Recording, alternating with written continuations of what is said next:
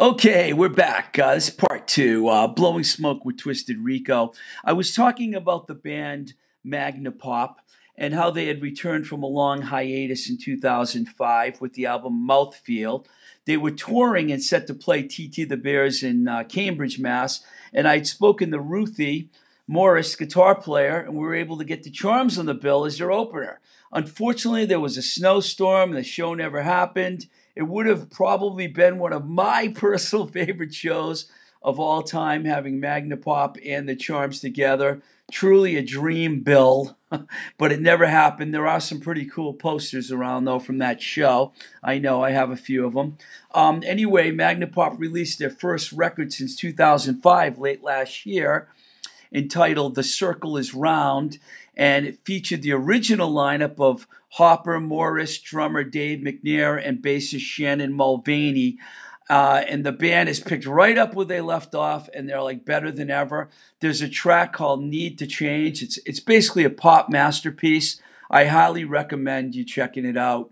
Um, if you don't know this band, please, you got to listen to them and give them a chance. They're really, really a great band. Kind of under the radar. They're one of my under the radar kind of bands that I think could have been a lot bigger uh, than they are. That's Magnapop from Atlanta, Georgia.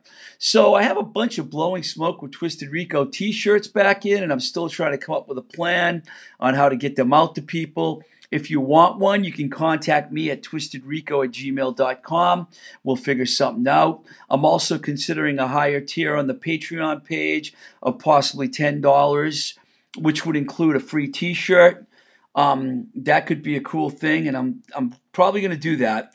Um, speaking of the Patreon page, um, Ben, Chris, and Ted are our newest patrons. I want to thank them. They all came aboard this week and um, really appreciate it. That page is doing great. If you want to get involved, it's patreon.com forward slash Twisted Rico. I want to thank our sponsor who made the t-shirts, JLS Design. They're located, located in Leicester, Mass, right outside of Worcester, Mass.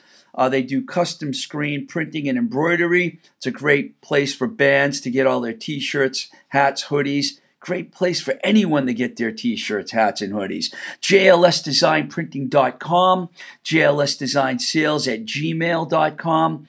If you contact JLS and you tell them that Twisted Rico sent you, you will get a 10% discount. And uh, let me know if you do that, and I will personally send you a special gift. And I'm not kidding, I shall.